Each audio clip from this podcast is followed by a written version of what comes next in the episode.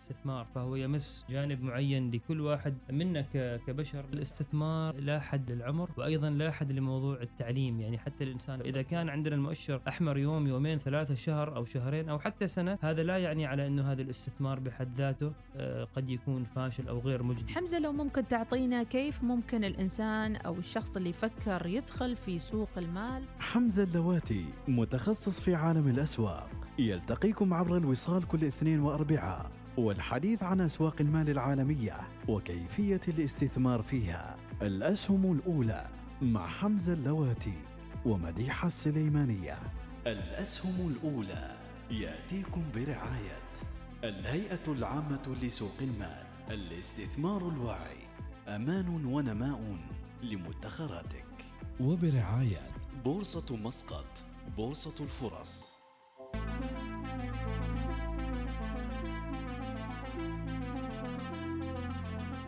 بسم الله الرحمن الرحيم. أسعد الله أوقاتكم بالخير والبركة لكل من يتابعنا عبر الإذاعة الأولى الوصال في بودكاست الأسهم الأولى البودكاست الأول الذي يتخصص في الجانب المالي ويعرض لكم كل ما يتعلق بالتداولات والبورصات المحلية وأيضا الخليجية والعالمية. ويأخذكم أسبوعيا في حلقتين مميزتين كل يوم اثنين وأربعاء برعاية الهيئة العامة لسوق المال وبورصة مسقط. ودائما وابدا نسعد بوجود ضيفنا والذي يثري الحوار في حلقاتنا وأيضا صاحب فكرة البرنامج أستاذ حمزة اللواتي الخبير المالي. أهلا وسهلا فيك حمزة حياك الله. حياكم الله أم أحمد وبالمشاهدين والمتابعين جميعا. ربي يعطيك العافية، أيضا نرحب في الجانب الآخر بضيفنا لهذا الأسبوع بهذه الحلقة الأستاذ بدر بن حمود الهنائي مدير أول دائرة عمليات السوق بشركة بورصة مسقط، أهلا بك أستاذ بدر الهنائي. أهلا وسهلا بكم أختي أم أحمد واهلا وسهلا بالأستاذ حمزة، سعيد بلقائك. مرحبا أستاذ بدر حياك الله. الله يسلمك. إذا عندك حمزة مباشرة اليوم حلقتنا عن ترد عن العديد من التساؤلات للمتابعين واللي يشوفونا دائما ويسألوا تتحدثون كثيرا عن التداول وتشوقون للتداول ولكن ما هي الخطوة الأولى وكيف نبدأ في التداول في بورصة مسقط؟ نعم. بسم الله الرحمن الرحيم. آه، طبعا آه، أم أحمد من احدى أهداف الحلقة هي تعزيز الاستثمار المحلي عن طريق آه، الاستثمار في بورصة مسقط. وهذا ما نحن تكلمنا عنه سابقا لأنه وجود سوق أوراق مالية قوي في السلطنة للبلد هو مكسب للجميع. سواء لصانعي السوق أو سواء لنا نحن كمستثمرين أو كمواطنين لأنه هو يعكس حالة إيجابية حالة من حالة من النمو حالة من الرغبة في التصاعد. آه، نحن نقوم بواجبنا المتواضع والبسيط عن طريق الأسهم الأولى آه، في تعزيز هذه الثقافة. وحقيقة حقيقة الطموح والهدف على أنه كل طالب ثانوية عامة كل طالب تعليم عام في السلطنة مثلا وصل الصف الثاني عشر يكون عنده حساب آه، يعني تداول أو حساب للاستثمار في بورصة مسقط هذا من شأنه أيضا أنه ينشط السوق برأس مال صغير برأس مال جريء. ينشط السوق أيضا من ناحية ما يسمى التريدينج التداول. آه، لذلك أنا جدا سعيد آه، في هذه الحلقة أنه أستضيف المتخصص الأستاذ بدر الهنائي من بورصة مسقط لكي يحدثنا أكثر بتفصيل بعمق. إنه مثلا الآن أنا أعتبرني يا أستاذ بدر طالب في الصف الثاني عشر. لا زلت في نهاية المرحلة المدرسية وأريد خلاص أبدأ محفظة آه، مثلا مالية أو أبدأ آه، حساب تداول في بورصة مسقط أبدأ أتعرف على الأسهم أشتري بعض الأسهم. كيف ممكن أعمل أبدأ هذا المشوار؟ خبرنا بالتفصيل والمايك وكل الوقت لك إن شاء الله. جزاك الله خير أستاذي حمزة جزاك الله خير. آه إن شاء الله تعالى راح نذكر في إيجاز الخطوات اللي ممكن إنه أي شخص مش مش فقط يعني آه طلاب المدارس أو الجامعات أو الكليات أي شخص راغب في الاستثمار إيش هي الخطوات الأولى اللي لازم يتبعها؟ آه، بداية إذا ركزنا على طلاب المدارس آه، يعني قبل ما نوصل لمرحلة فتح رقم المستثمر دائما في تنسيق مباشر من قبل بورصة مسقط وشركة مسقط للإيداع. من التوعية نشر التوعية. إيش هو الاستثمار؟ إيش هو عالم الاستثمار؟ إيش هي المكاسب اللي ممكن إنه آه، الشخص يستفيد منها؟ آه، إيش هي المخاطر اللي ممكن يتعرض لها؟ فمثل ما ذكرت يعني آه، دائما في تواصل مباشر مع المدارس مع الكليات مع الجامعات من إقامات من إقامة يعني آه، ورش عمل توعوية آه، تبين كل هذه المفاهيم. طيب بالتالي نعم. نعم. هل هناك شروط معينة مثلا أو عمر محدد ل يعني فتح هذه المحافظ أو حتى يمكن لأهلية المتداول في في عمر معين؟ ما في أي شرط بالنسبة للأعمار. ممكن أي شخص أنه يفتح رقم مساهم. ولكن إذا كان الشخص قاصر يندرج تحت وصية المشرف عليه سواء كان والده أو من يقوم مقامه يعني. آه، العملية جدا بسيطة لفتح رقم مستثمر. هي تعبئة آه، استمارة معينة آه، معدة من قبل شركة مسقط للمقاصة والإيداع. يذكر فيها التفاصيل منها الاسم الثلاثي الحساب البنكي البيانات اللي مذكورة في الوثائق الرسمية سواء كانت البطاقة الشخصية أو حتى جواز السفر. بعد ما يقوم بتعبئة هذه الاستمارة تسليمها لشركة مسقط لفتح رقم الحساب. آه، مع ذكر رقم التواصل لأنه راح تصله جميع الإشعارات بفتح الحساب أو حتى الأرباح إذا كانت عنده أرباح أو حتى الدعوات للجمعيات العمومية. نعم. آه، هل هل هل في يعني تعبئة هذه الاستمارة ممكن عن طريق الأونلاين أم فقط ورقيا؟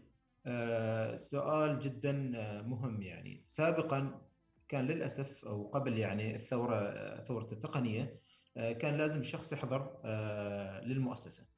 ولكن مع التقدم في آه، تقنية أصبح الأمر جدا يسير. فقط يدخل على موقع الإلكتروني لشركة مسقط يقوم بتعبئة الاستمارة بعد ما يعملها داونلود وبعدين يرفعها مرة ثانية ويرسلها لشركة مسقط للمقاصة. جميل فصارت العملية ما تستدعي حضور الشخص إلى مبنى الشركة. نعم. طيب السؤال الآن أوجه الأستاذ حمزة بما أنك خبير في الأسهم والمحافظ بشكل عام هل تجد قوة الجذب نفسها في آه، بورصة مسقط؟ آه، كما هي موجودة في البورصات العالمية أو ل يعني المغريات الأخرى المحيطة بشبابنا اليوم. نجد الشباب يمكن يتداولوا في يعني أسهم صينية أو علي بابا أو غيرها مما ذكرناها في الحلقات الأخرى.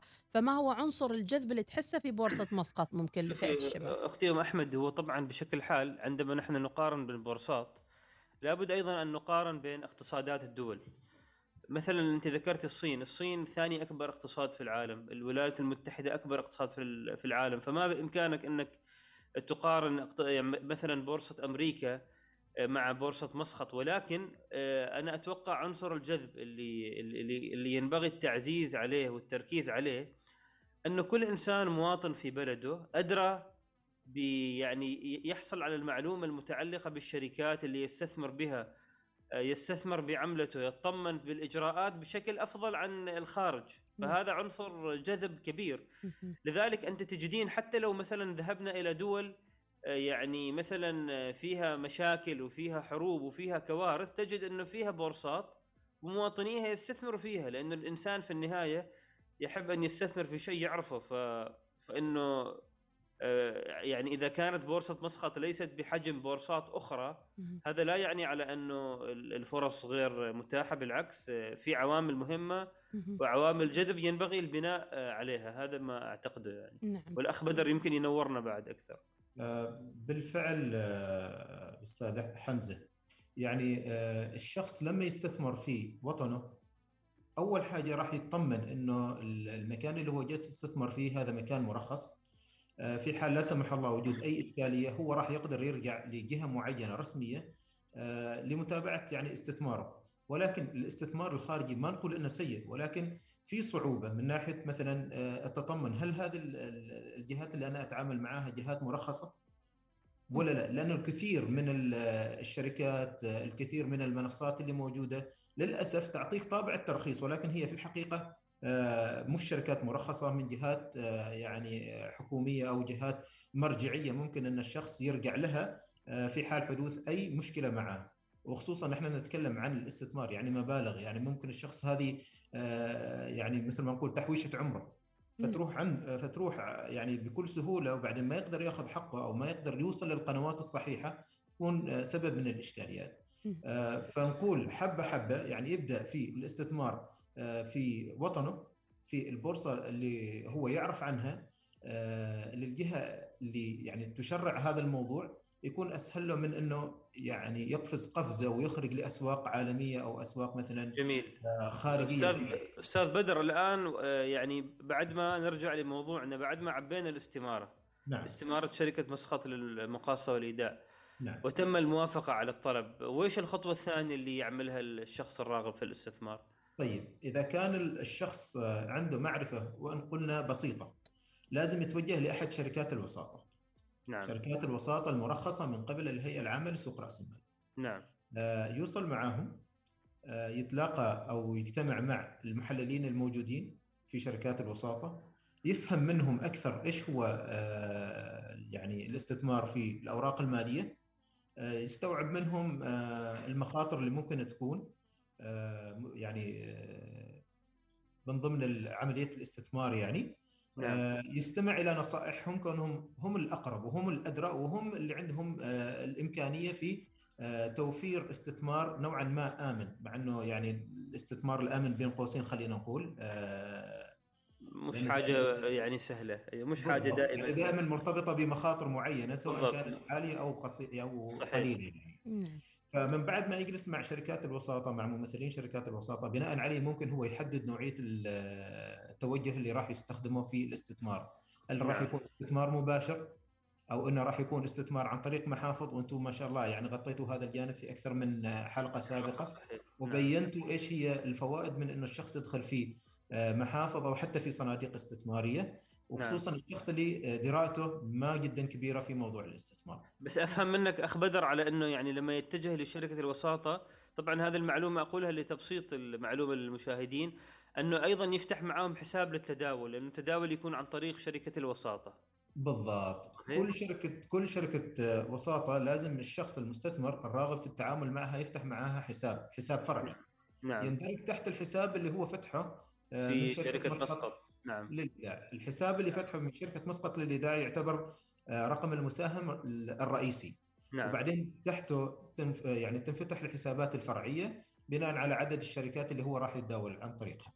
جميل جميل. وبعد بعد ذلك هذا الشخص إذا يكون جاهز إنه يبدأ آه، يعني مسيرته في في في موضوع الاستثمار في بورصة مسقط. ولكن نعم. السؤال اللي يرد اخ بدر لو تنورنا بخصوص العمولات. يعني الآن أنا أجي أشتري سهم شركة فلانية في بورصة مسقط نعم. هل هنالك تسعيرة موحدة للعمولات اللي تأخذها شركات الوساطة والأوراق المالية في السلطنة ولا كل شركة إيه. بإمكانها تضع عمولتها الخاص بها الخاصة آه، بها؟ هي هي عمولة التداول معلن عنها وموحدة لجميع شركات الوساطة. نعم. ما بإمكان أن شركات الوساطة آه، يعني تغير من آه، نسبة العمولة هذه. نعم. آه، عندنا بعض آه، الحوافز اللي نحن نقدمها في نوع معين من التداول اللي هو يسموه التداول في ذات الجلسة، هذا يكون عليه تخفيض من العمولة الإجمالية بنسبة 50%. فبدل ما يدفع الشخص 3.5 آه، في المئة أو في الألف خلينا نقول يعني ثلاثة ريالات ونص لكل ألف ريال هو يستثمر فيه ممكن نعم. يدفع نصه ولكن بشرط أن التداول في ذات الجلسة هذا هذا ما يسمى باللغة الإنجليزية أتوقع بال day trading على أنك بالضبط. تشتري في بداية الجلسة خلال الجلسة تبيعها أيضا نعم. بالضبط أو أنك تبيع وترجع تشتري مرة ثانية نعم. يعني الخيارين موجود نعم. نعم طبعا الاستثمار راح يكون بناء على قائمة معينة يتم الإفصاح عنها من قبل البورصة وتلزم فيها شركات الوساطة اللي هي 30 شركة طيب ما هو العقد الذي يقنن التعامل بين الشخص اللي راغب في الاستثمار وبين الوسيط اللي بيناتهم؟ شو اللي ينظم العلاقة بينهم؟ آه، طبعا في اتفاقية لازم توقع بين العميل آه، أو المستثمر وبين شركة الوساطة ومن خلالها يوضح نوعية التعامل اللي راح تصير. إذا كان تعامل مباشر ف يعني الوسيط يوضح للمساهم أو للمستثمر إيش اللي له وإيش اللي عليه. نعم. يعني الوسيط والمستثمر آه، مربوطين أو يعني ملزمين بلائحة التداول. فيها ضوابط ما بإمكان إنه مثلا إرسال أوامر تعتبر وهمية لأنها راح تكون فيها محاسبة آه، في تجاوزات المفروض هو يكون يعرفها نعم. أنواع الأوامر اللي ممكن إنه يستخدمها. كل هذه موضحة في لائحة التداول. طيب أستاذ حمزة جميل جميل. ما كيف نعم. نختار كيف نختار شركة الوساطة الآن ما دام هو وصل إلى هذه المرحلة؟ خلاص فتح له آه، يعني رقم تداول راح لشركة الوساطة اللي تسمى أيضا financial services يمكن يقول ولا آه، في bro brokerage brokerage brokerage نعم نعم. ف أتوقع أحمد الآن بما إنه بع- بعد ما انه الواحد يتأكد على إنه شركة الوساطة هذه مرخصة من هيئة سوق المال مثل ما. ذكر الأخ بدر يأتي هنا أيضا الذوق الشخصي يعني في النهاية الوسيط هو الشخص اللي أنت تتواصل معه دائما تتسولف معه آه،. تبحث معه وش هي الأسهم اللي ممكن تشتريها فمع تعدد شركات الوساطة حاليا معنا في السلطنه أتوقع الواحد يختار الشركة اللي هو يراها مناسبة أو يرتاح لها مثل ما نقول بالعامية مهم. بالعاميه يعني فليس هنالك صح أو خطأ في الموضوع لأنه ما دام أن العمولة موحدة فما في يعني ميزة في مالية لشركة دون أخرى. آه، ولكن هنالك ميزات خدمات. قد. شركات تقدم خدمات أفضل آه، تقدم باقات أفضل تقدم رعاية أفضل. هنا يميز شركة عن الأخرى. نعم. طب سؤال أستاذ بدر هنا يعني آه، هل هناك معايير معينة للشركات الوساطة للترويج عن نفسها عن خدماتها؟ لأنه إلى الآن يمكن ما نلاحظها موجودة في السوق العماني ويخليها ممكن آه، بعيده عن المحتاج لهالخدمة أو المستهلك لهالخدمة. قبل ما نوصل ل أو نجاوب هذا السؤال أم أحمد يعني خلينا أقول إن الشركات المرخصة والمعتمدة من قبل الهيئة آه، بياناتها متوفرة على بورصة مسقط الإلكتروني موقع بورصة مسقط الإلكتروني. وبالتالي المستثمر ممكن إنه يرجع آه، لموقع آه، سوق أو لموقع بورصة مسقط آه، ويشوف الشركات الموجودة بياناتها موجودة بإمكانه إنه يتواصل معها مباشرة. آه، كل شركة من هذه الشركات تقريبا عندها مواقع إلكترونية. من خلالها تقوم ب آه، يعني آه، الترويج للخدمات المتوفرة معها. وهذا يكون مبني على التراخيص اللي تحصلها شركة الوساطة سواء كان في تقديم آه، التح- التحاليل المالية آه، أو حتى آه، يعني المارجن تريد خلينا نقول اللي هو الهامش السعري. آه، يعني في مجموعة من الأنشطة لازم تكون مرخصة من قبل الهيئة العامة. مثل ما ذكر آه، الأخ حمزة أنه ما كل شركات الوساطة تقدم نفس المستوى من الخدمات. فبالتالي اختيار آه، شركة الوساطة يعتمد على توفر الخدمات. كل ما كانت الخدمات أوسع وأشمل كل ما كان يعني في أريحية في التعامل مع هذه الشركة. نعم. طب سؤال الآن يعني يمكن أطرحه لكم وبعدين أتر- أترك المايك للأستاذ حمزة. ما الذي إلى الآن يعني يجعل الشركات الخارجية أكثر جذبا من السوق المحلية فيما يتعلق بالتداول والأسهم؟ ويمكن إحنا لاحظنا كثير من الناس بدأوا يفصحوا عن هذا الميل للتداول في الخارج عن طريق التيك توك. فنلاحظ الناس يشجعوا بعضهم البعض ويمكن يحطون مقاطع فيديو إن أنا ربحت مبلغ من المال من التداول في الخارج أو غيره. فشو اللي يجعل هذا له ميزة عن ال- ال- التداول المحلي؟ آه، أم أحمد سؤال لطيف. آه، أنا بذكر نقطة مهمة وبعدين الأستاذ بدر يقدر يعقب. آه، الشباب عادة آه، في العالم يعني نتكلم عن ال- الفئة العمرية بين 18 إلى 35 أو إلى 40 آه، عندها شغف كبير فيما يعرف بالتداول المؤقت يعني التريدينج. إن أبيع وأشتري أبيع وأشتري. هذا أيضا يحقق خسائر وأرباح لكن هي تكون سريعة يعني ما فيها انتظار. مش ما فيها انتظار سنتين أو خمسة يعني تحقق ربحك إما خلال يوم يومين وكذلك خسارتك. آه هذا النوع من ال- المضاربة من التداول آه يعني يكون نافع في حال على ان البورصات والأسواق المالية فيها سيولة عالية فيها تداولات يومية عالية أحجام تداول عالية.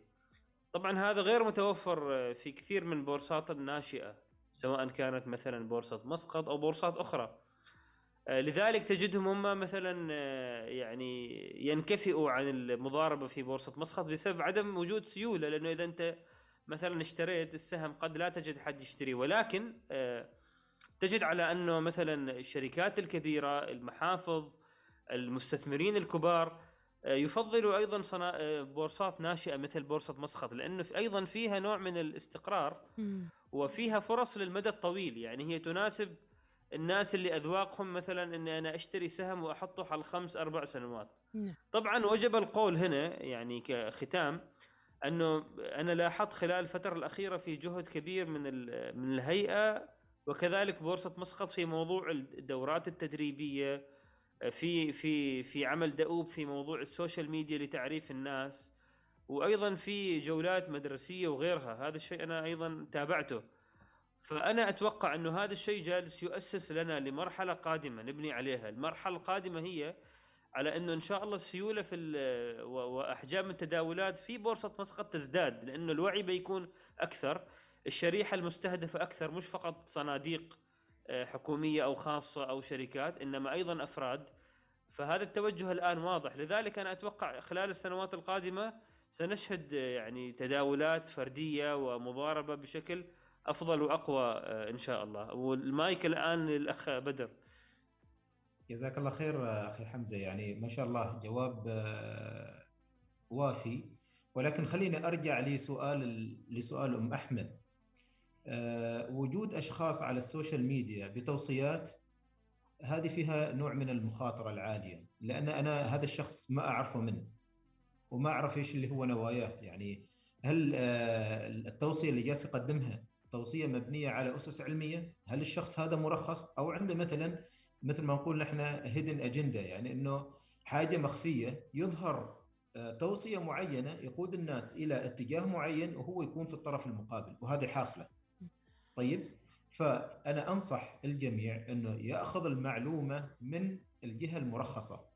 من شركات الوساطة المرخصة بحيث إنه شركات الوساطة هذه في حال تقديم معلومة مغلوطة لا, لا سمح الله تكون في طريقة لها للمحاسبة. نعم. أما إنه أنا سمعت إنه فلان في تيك توك أو في أي وسيلة من وسائل ال social media نعم. قدم أي توصية أنا ما بإمكاني إني أروح أحاسبه. إذا هنا تفقد عنصر اللي ذكرناه بالأول عنصر الأمان والاستقرار في هذه الأسواق اللي ذكرناه في البداية. فهذه يمكن تكون خاتمة لحلقة اليوم بحيث أن آه، نؤكد أن الأسواق العمانية هي الأكثر امانا واستقرارا وأيضا تضمن لك حقوقك عبر بورصة مسقط وأيضا آه، شركة آه، المقاصة والإيداع. ويعني جميع القوانين التي أيضا توضع لضبط هذه العملية. هل من كلمة أخيرة مع نهاية حلقة اليوم لضيوفنا؟ أشكر الأستاذ بدر على يعني يعني على تشريفه لنا في في الحلقة. معلومات مفيدة وأنا أتمنى إن شاء الله من فريق الإخراج يلخص ما قاله وننشره ككليبات إن شاء الله حتى الناس والشباب بالذات اللي نستهدفهم طلاب المدارس. إن شاء الله دعوة لهم مرة أخرى جميع الخريجين وطلاب المدارس ابدأوا بفتح حسابات آه، في بورصة مسقط إن شاء الله. استثمروا ولو بالقليل ستجدون نتائج إن شاء الله مبهرة بعد آه، سنوات لما تكبرون على المرحلة مرحلة الزواج وبيكون هذا دخل إضافي لكم إن شاء الله. بإذن الله. أستاذ آه. بدر الكلمة عندك؟ في البداية جزاكم الله خير على الاستضافة ونحن حاضرين في أي وقت يعني الإجابة عن أي أي استفسار يعني عن البورصة أو عن حتى آه، التداول في أسواق المال آه، خلينا أقول حاجة يعني مع إنه كان المفروض ان نذكرها آه، في البداية بالنسبة للقابلين على موضوع الاستثمار بورصة مسقط يعني طرحت لعبة بسيطة تحاكي الاستثمار جميل. فبالتالي الشخص ممكن يجرب الاستثمار بشكل لعبة وبعدها يدخل في الاستثمار حاجة فعلية. وهذه دائما في الزيارات اللي نقوم فيها نحن سواء للمدارس أو للكليات أو حتى للجامعات دائما ما تكون موجودة معنا آه نخبر عنها الناس ونشجعهم على أساس إنه آه ابدوا في هذا المجال في هذه اللعبة وهي تراها سيموليشن يعني محاكاة آه للتداول الفعلي اللي جالس يصير في بورصة مسقط. اعطينا الرابط عاد أستاذ بدر نبى رابط أو هي ابلكيشن أو شو بإذن الله راح نحط لهم الرابط إن شاء الله. بإذن الله بإذن الله. أستاذ حمزة كلمة أخيرة؟ آه، شكرا لكم مرة أخرى وعلى أمل اللقاء إن شاء الله قريبا في الحلقة القادمة بإذن, بإذن الله. إن شاء الله. إذا شكرا لضيفي الأستاذ بدر بن حمود الهناي مدير أول دائرة عمليات سوق بشركة بورصة مسقط. تحدثنا عن آه، كيفية وآلية فتح حسابات للتداول في الأسهم في بورصة مسقط ومأمونية هذه آه، الإجراءات. وأيضا كان معنا الخبير المالي الأستاذ حمزة اللواتي حدثنا أيضا عن قرب عن بعض النماذج وأيضا آه، التفاصيل الأخرى. شكرا لكم. كونوا في المتابعة في حلقاتنا القادمة. هذه كانت حلقتنا لهذا الأسبوع من الأسهم الأولى. حياكم الله نتكلم عن الاستثمار فهو يمس جانب معين لكل واحد منا كبشر. الاستثمار لا حد للعمر وأيضا لا حد لموضوع التعليم. يعني حتى الإنسان إذا كان عندنا المؤشر أحمر يوم يومين ثلاثة شهر أو شهرين أو حتى سنة هذا لا يعني على إنه هذا الاستثمار بحد ذاته آه، قد يكون فاشل أو غير مجدي. حمزة لو ممكن تعطينا كيف ممكن الإنسان أو الشخص اللي يفكر يدخل في سوق المال؟ حمزة اللواتي متخصص في عالم الأسواق. يلتقيكم عبر الوصال كل اثنين وأربعاء والحديث عن أسواق المال العالمية وكيفية الاستثمار فيها. الأسهم الأولى مع حمزة اللواتي ومديحة السليمانية. الأسهم الأولى يأتيكم برعاية الهيئة العامة لسوق المال الاستثمار الواعي. أمان ونماء لمدخراتك.